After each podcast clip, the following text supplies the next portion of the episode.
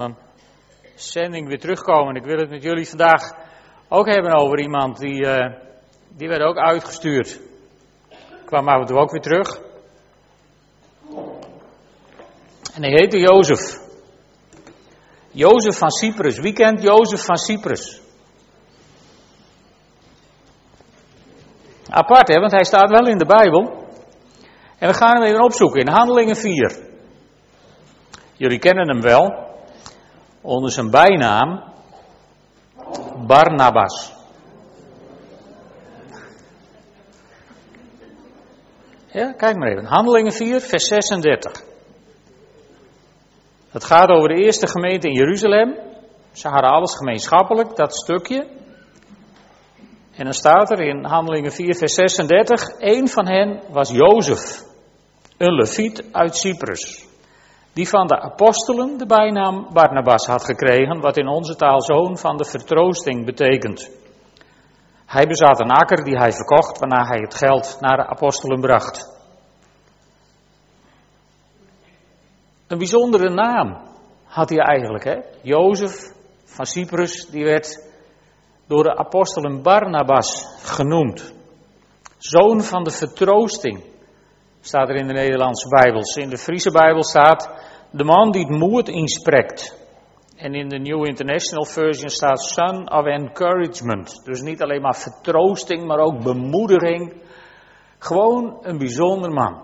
Kennelijk, om zo'n bijnaam te geven. Ook opvallend dat Jezus vlak voordat hij deze aarde, of vlak voordat hij ging sterven, tegen de discipelen had gezegd: Ik zal jullie een andere trooster sturen. En dan komt hier Barnabas, de zoon van de vertroosting. Kennelijk heel vol van de Heilige Geest. Samenstelling van de naam, heel even. In de Bijbel staan meerdere mannen die een naam hebben die met Bar begint. En Bar betekent zoon van. Net zo goed als Bad met een T, dochter van betekent. Hè? Bad Seba kennen we. En we kennen Bartimeus en we kennen Barnabas. Barnabas. Bar, zoon van. En Naba betekent geïnspireerd spreken of zingen. Dus geleid door de Heilige Geest spreken of zingen. Niet te verwarren met Barabbas. Die kennen we natuurlijk ook uit het verhaal van de kruisiging. Dat is op zich een preek op zich voor de paastijd. Hè? Barabbas betekent zoon van de vader. En die werd ingeruild voor de zoon van de vader. Met hoofdletters. Maar die bewaar ik even. Barnabas. We kennen hem van een aantal acties. En zijn eerste actie, die vind je in Handelingen 9, vers 26. Eigenlijk is dat het verhaal over Saulus. Wat het leven van Barnabas kenmerkt, is dat alle verhalen over zijn leven, dat zijn verhalen over Saulus, zeker Paulus. En hij komt daar, elke keer voordat ik mijn nek breek, zal ik weer dingen in Zo. En, en, en zijn eerste actie is, net na, of na de bekering van, van Saulus. Saulus is in Damascus geweest, heeft hij een ontmoeting met de Heer gehad, daar is hij tot geloof gekomen. En dan komt hij in Jeruzalem en dan wil hij zich aansluiten bij die eerste gemeente. Maar ja, iedereen die denkt, hallo, hallo, veertien dagen geleden, uh, of ik weet niet precies hoe lang, maar uh, zat hij hier iedereen gevangen te nemen en in de gevangenis te gooien. En, en, die, en die wil nu binnenkomen bij de gemeente. Nou, maar, maar even rustig, dachten ze allemaal. Misschien komt hij wel spioneren om te kijken. Ik bedoel, de mensen die vertrouwden hem niet zo. En, en Saulus kreeg weinig kans om binnen te komen. En dan is daar Barnabas, de zoon van de vertroosting, of the son of encouragement, die Paulus opvangt. En hem toch introduceert bij de apostelen. Hij was de man die het risico durfde te nemen om ja, deze gevreesde, gevaarlijke man binnen te brengen in de gemeente. Hij gaf hem een kans. En dan, uh, ja, dan gaat het verhaal in handelingen verder. En dan komen we in handelingen 11. En dan lezen we dat de, de leerlingen, de discipelen, die door de vervolging die was ontstaan, ja, Jeruzalem eigenlijk uitgejaagd waren. Hè? God had Saulus vooral gebruikt om de mensen uit Jeruzalem te jagen, zodat het evangelie de wereld in zou gaan. Want ze hadden de neiging in die eerste gemeente om gezellig met z'n allen bij elkaar in Jeruzalem te blijven, wat niet de bedoeling was.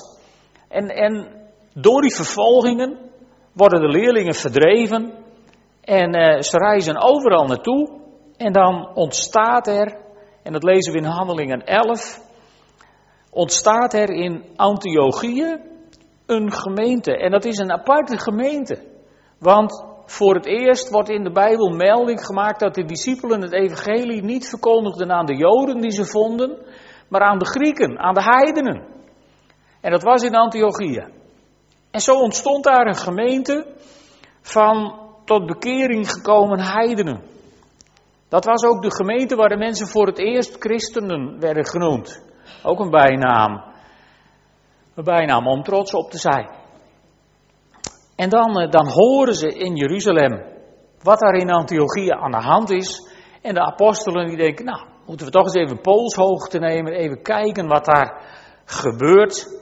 En dan sturen ze Barnabas naar Antiochia. En dan moet je eens kijken in Handelingen 11, vers 23. dan snap je ook waarom hij Barnabas werd genoemd.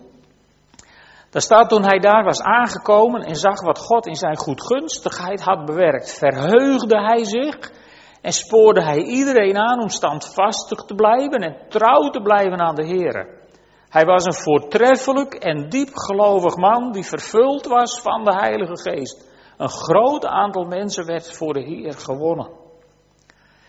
Je zou je kunnen voorstellen dat een leviet uit Cyprus, die in Jeruzalem in die gemeente zat, die gemeente die dus alsmaar kleiner werd en kleiner werd, omdat iedereen vluchtte en Jeruzalem verliet en de wereld inging.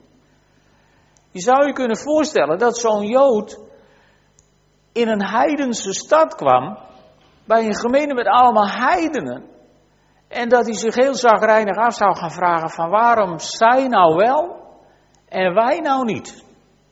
Kun je daar iets bij voorstellen? En bij Barnabas lees je dat niet. Je leest niet dat hij kritisch die gemeente binnenkomt van hallo, uh, dat hoort anders en dat zijn we zo niet gewend.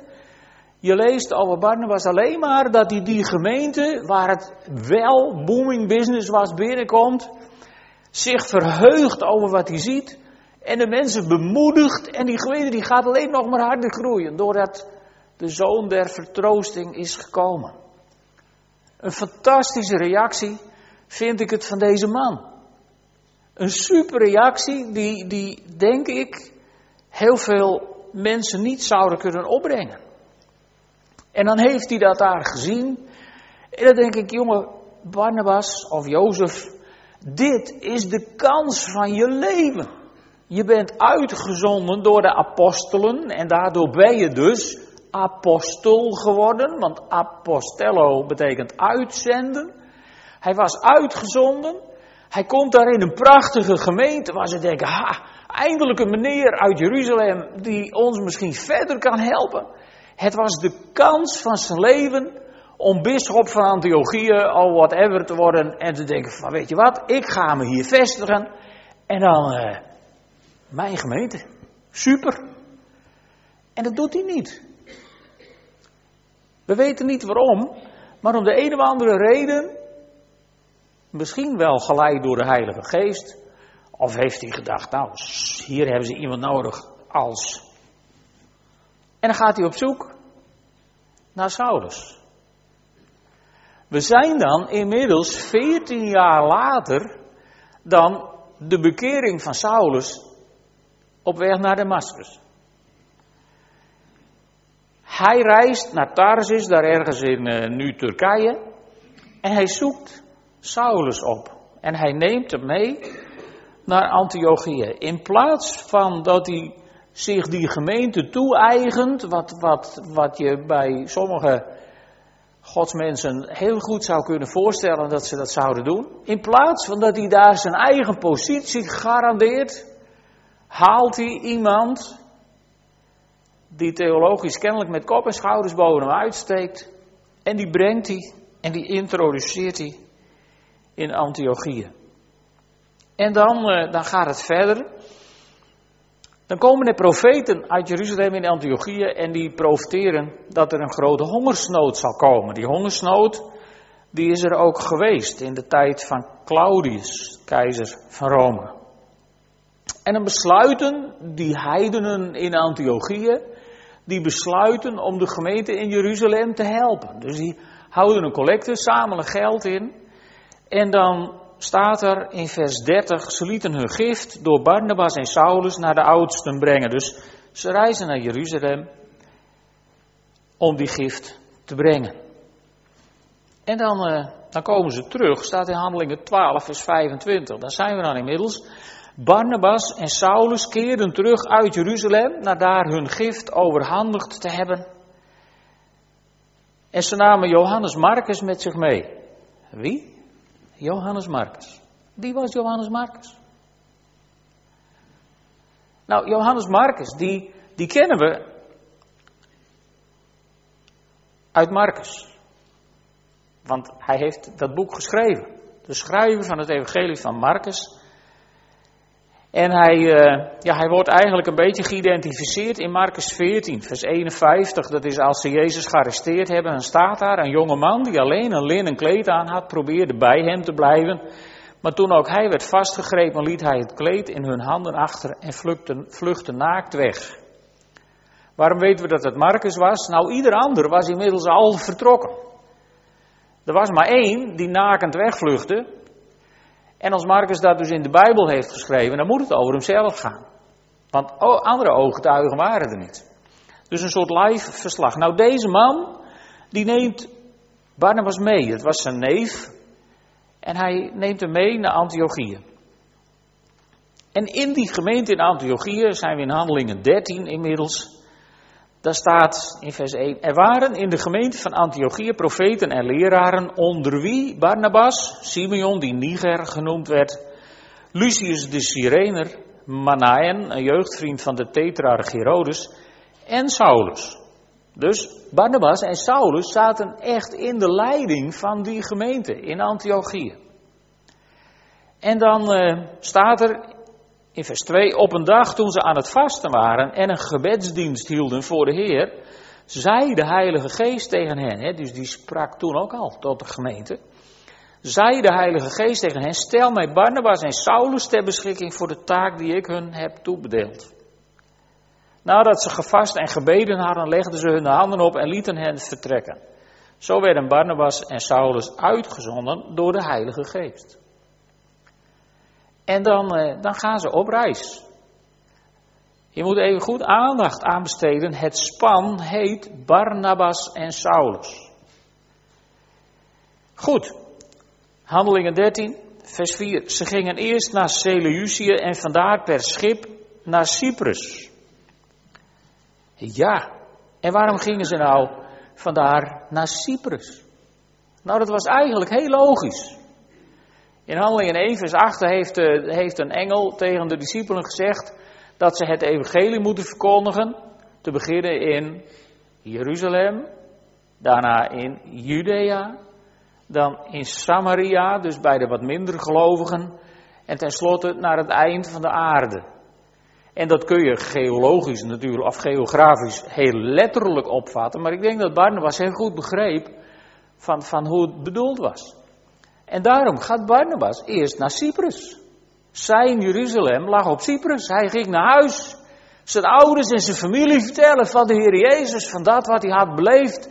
En, en vanuit zijn familie ging hij naar Judea. Hij zal wel wat hun gewoonte was, wat we in alle zendingsreizen zien. Daarna gingen ze naar de synagoge om de, de Joden te vertellen van de Heer Jezus en wat er allemaal gebeurde. En, en tenslotte gingen ze naar Samaria, hè, de rest van het eiland, een beetje dichtbij nog wel, maar toch. En zo gingen ze op Cyprus het evangelie verkondigen. En in vers 7 van Handelingen 13 staat tot het gevolg behoorde van Ser, over iemand die tot het gevolg behoorde van Sergius Paulus, de proconsul. Sergius Paulus, een verstandig man, liet Barnabas en Saulus bij zich komen omdat hij meer wilde horen over het woord van God. Dus zo is Barnabas heel logisch, conform de opdracht die ze hebben gekregen, begonnen in zijn eigen cirkeltje. Een beetje groter. En nog een beetje groter. En na het avontuur op Cyprus maken ze het nog veel groter en gaan ze naar, ja, voor hen misschien wel de einden van de aarde. In ieder geval gingen ze het grote Romeinse Rijk in om het evangelie te verkondigen. En dan gebeurt er iets heel bijzonders. Ten eerste wordt de naam Saulus veranderd in Paulus. Dat heeft waarschijnlijk te maken met het feit dat Paulus in, in de Romeinse kringen wat makkelijker lag dan Saulus. Het was iets minder Joods. Het was wat Griekser. Betekent hetzelfde.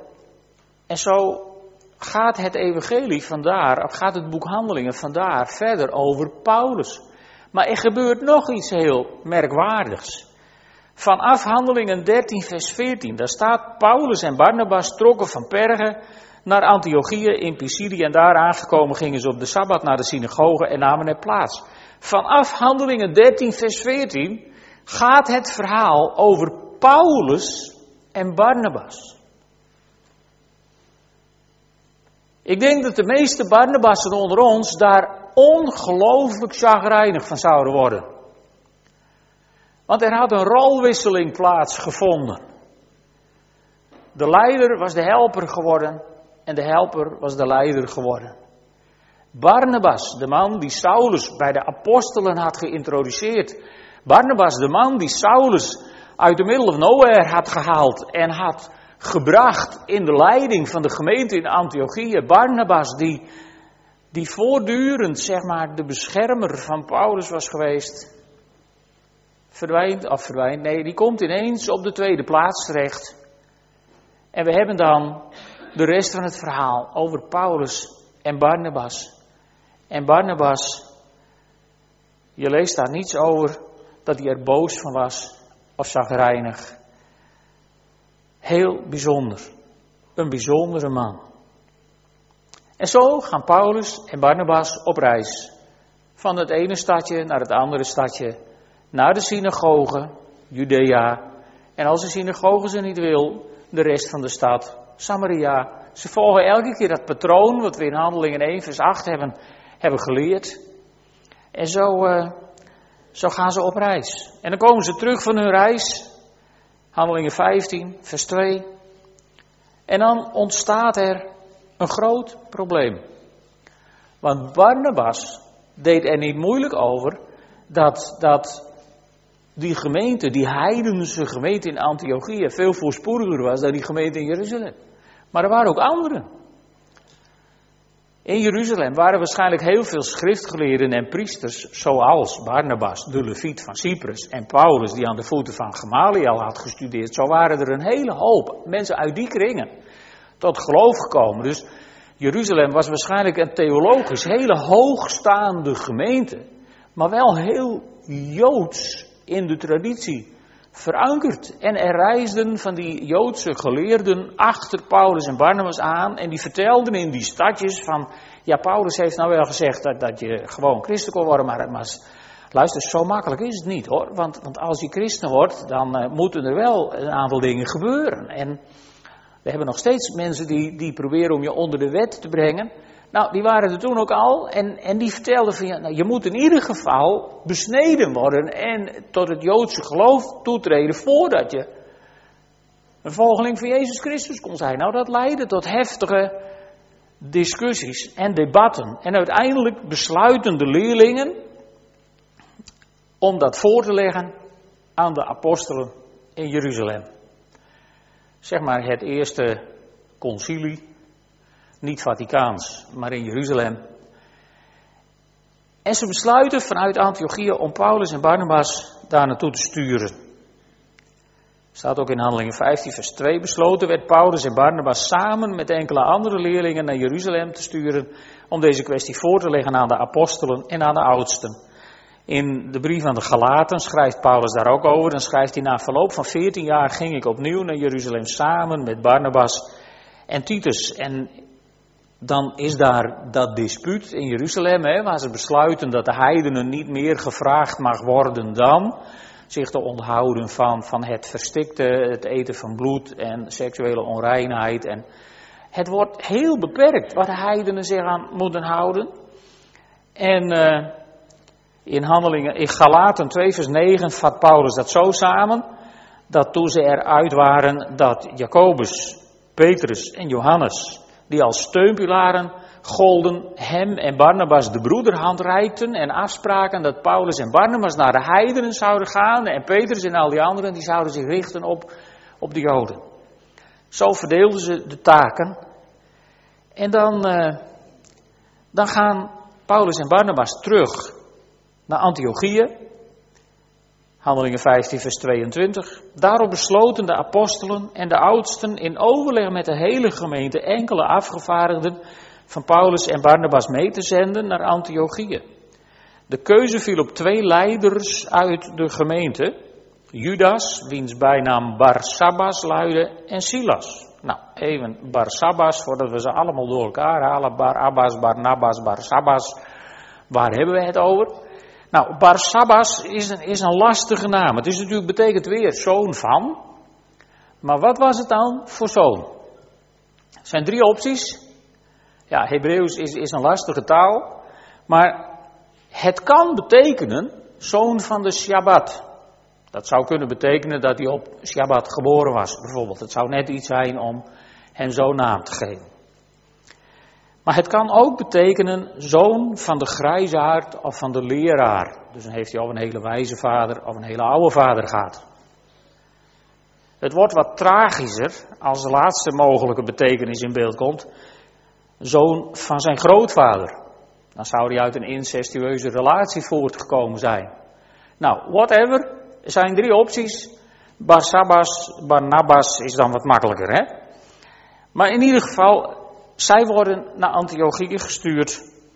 En uh, wat opvalt in Handelingen 15, vers 22, is dat de apostelen in Jeruzalem schrijven: Daarom hebben we eensgezind besloten enkele broeders naar u toe te zenden in het gezelschap van onze geliefde Barnabas en Paulus. Dat is wel grappig. De oudsten in Jeruzalem houden dus de originele volgorde aan. Barnabas en Paulus. Dat is de enige uitzondering in handelingen. Verder blijft het Paulus en Barnabas. En we lezen even verder in Handelingen 15, vers 35. Paulus en Barnabas bleven in Antiochië, waar ze met nog vele anderen de boodschap van de Heer onderwezen en verkondigden. Niet lang daarna zei Paulus tegen Barnabas, dus Paulus was de man van het initiatief. Dat was de, de, de, de doorzetter. En Paulus die stelt voor om terug te gaan naar de steden waar ze het woord van de Heer hebben verkondigd, om te zien hoe het daar met de leerlingen gaat. En dan staat er in vers 37, Barnabas wilde ook Johannes Marcus meenemen, want Barnabas was de zoon van de vertroosting, de man of encouragement. De man van de tweede kans ook.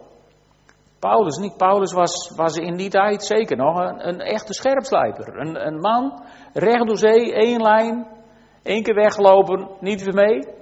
En Barnabas was de man van de vertroosting, van de bemoediging, van de tweede kans. En die, die staat erop dat Johannes Marcus een tweede kans verdient. Nou, dat leidt tot oneenigheid tussen Paulus en Barnabas. En zo gaan ze elke hun weg. Maar ik denk dat God dat geleid heeft, heel stiekem. Zodat er nu in plaats van één missionair team, twee missionaire teams de wereld intrekken.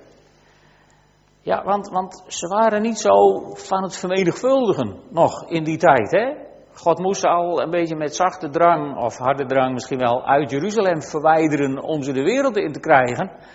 En hier moest eigenlijk Johannes Marcus ook als, als splijtswam gebruikt worden om van één team twee teams te maken. En zo gaat Paulus op reis met Silas, waarover volgende week meer. En Barnabas, die gaat met zijn neefje weer naar Cyprus om te kijken hoe het daar met de gemeente is. En die Barnabas was toch wel een bijzondere man. Want het opvallende is dat dit niet leidt door de zoon der vertroosting, door die bijzondere man, leidt dit niet tot blijvende schade. Wat had het makkelijk gekund? Hè? We hadden vanaf dat moment al twee kerken kunnen hebben. Het duurde tot, tot 1014 of 40 zo ergens voordat het grote schisma in de kerk tussen Oost en West plaatsvond. Maar we hadden op dit moment al twee denominaties kunnen hebben. Namelijk de denominatie van Paulus en de denominatie van Barnabas. Had maar zo gekund. En het gebeurde niet. En die Barnabas, die man van de tweede kans, weet je, het heeft ook altijd, elke goede eigenschap heeft altijd ook zijn valkuilen. Het is goed om dat ook eens even te zien. Barnabas was de man van de tweede kans, de man van de vertroosting, maar hij was ook een beetje, hij was zoveel mensenmens, dat hij af en toe misschien ook wel de neiging wat had om, om in ieder geval geen conflicten aan te gaan. Want in Galaten 2 vers 13, daar schrijft Paulus over het feit dat, dat ze in Galatie in vrijheid leefden, hè, dat, dat ze gewoon deden wat in, uh, in, in Handelingen 15 was besloten, tot er ineens Joden op visite kwamen. Dat is zo'n stukje, moet je maar eens nalezen in Galaten 2. Dan komen er ineens Joden op visite en dan krijgt Paulus ruzie met Petrus, omdat die Joden ineens niet meer met de heidenen aan één tafel zitten. Nou, oh deksel, er zijn mensen uit Jeruzalem, laten we nu maar even netjes Jood zijn. En dan staat er ook Barnabas liet zich meeslepen door hun huigelarij, schrijft Paulus. Dus Barnabas ging, ja, dat is waarschijnlijk de valkuil van het mensenmens zijn van Barnabas, dat hij dat risico had. Maar goed, niks te nadelen van Barnabas, het was een heel bijzonder mens. En kennelijk is de relatie tussen Paulus en Barnabas op een gegeven moment zodanig hersteld dat Paulus in 1 Korinthe 9, waar hij het heeft over het feit dat er allerhande apostelen zijn die een slaatje proberen te slaan uit de gemeente en die meer op geld uit zijn dan op bekeerlingen, dan zet hij zichzelf en Barnabas schouder aan schouder. Want dan zegt hij in, in vers 6, of zouden nu uitgerekend Barnabas en ik in ons eigen levensonderhoud moeten voorzien. Dus kennelijk werkten ze nog steeds als twee goede collega's in het koninkrijk van God. Geweldig. En, en, en dat heeft zoveel invloed gehad, dat zelfs de scheiding tussen Paulus en het neefje van Barnabas een hele bijzondere wending heeft gekregen.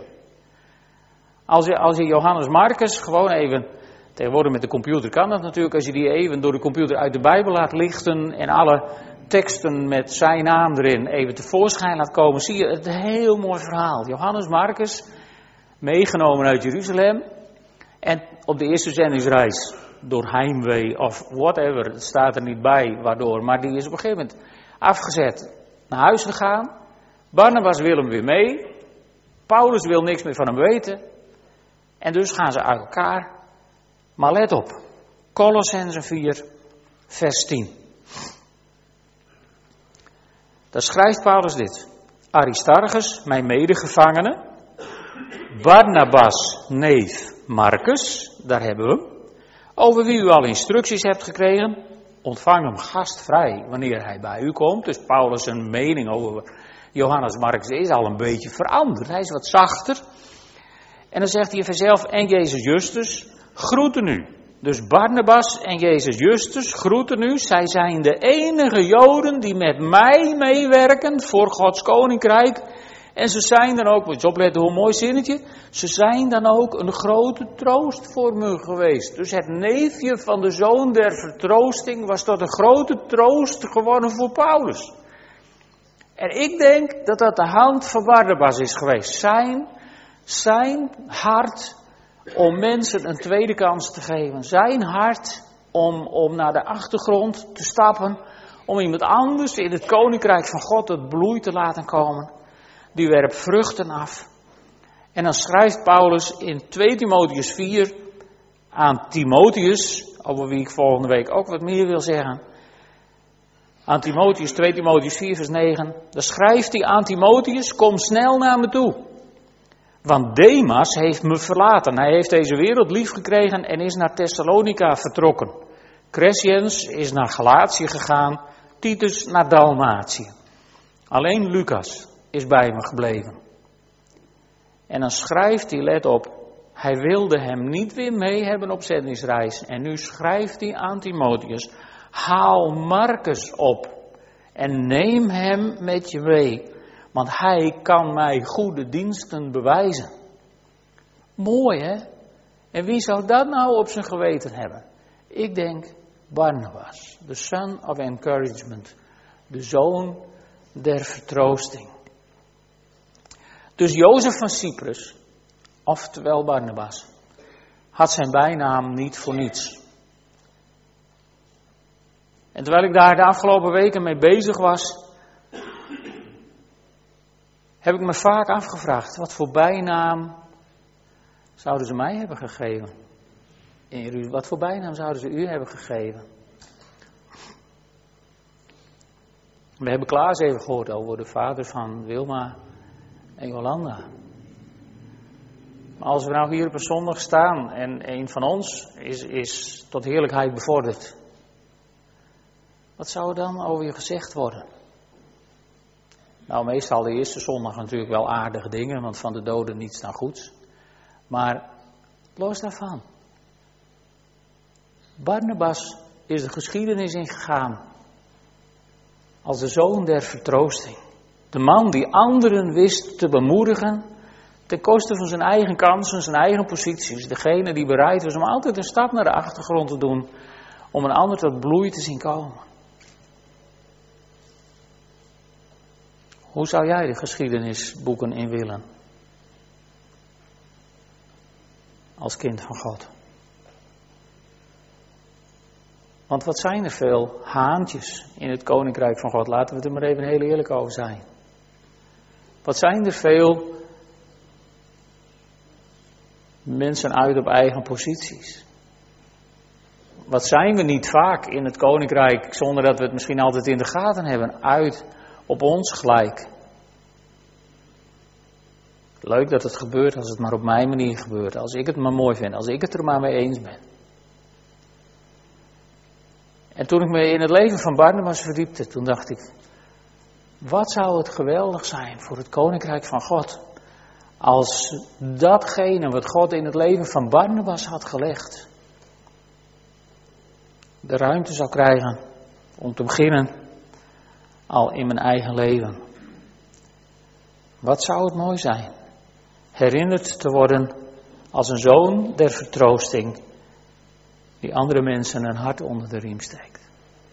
Vind je niet? Zullen we gaan staan en samen bidden?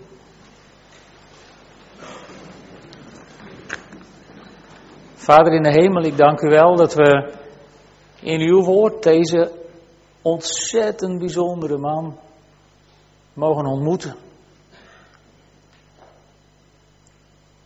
Heer, en, en als ik voor de spiegel sta, voor zijn spiegel,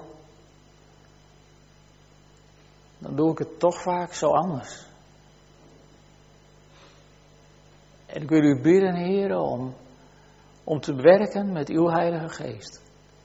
Ik wil u vragen om met uw geest onze harten zacht te maken. Wilt u door uw Heilige Geest ons, ons op deze man laten lijken? Heer, geef ook ons die capaciteit en het lef om waar mogelijk een stap achteruit te doen, zodat anderen tot bloei en tot uw doel kunnen komen. Heren, dank u wel dat u ons zo wilt leren door wonderlijke mensen in de Bijbel, die we daar mogen ontmoeten. Raak ons aan, Heer, met uw Heilige Geest. Verander de harde kanten aan ons. En waar relaties zijn beschadigd of, of misschien al heel lang kapot zijn. Heren, bid ik u deze ochtend om een herstel te bewerken. Zoals we ook zien in de relatie tussen, tussen Paulus en Marcus. Heren, het is een machtig werk van uw geest geweest om dat weer goed te maken. En ik bid u om die genade in in families en in relaties waar dingen stuk zijn gegaan. U kunt het, Heer. We hebben in uw woord gezien dat u het kunt. En ik bid om uw genade. In de naam van Jezus. Amen.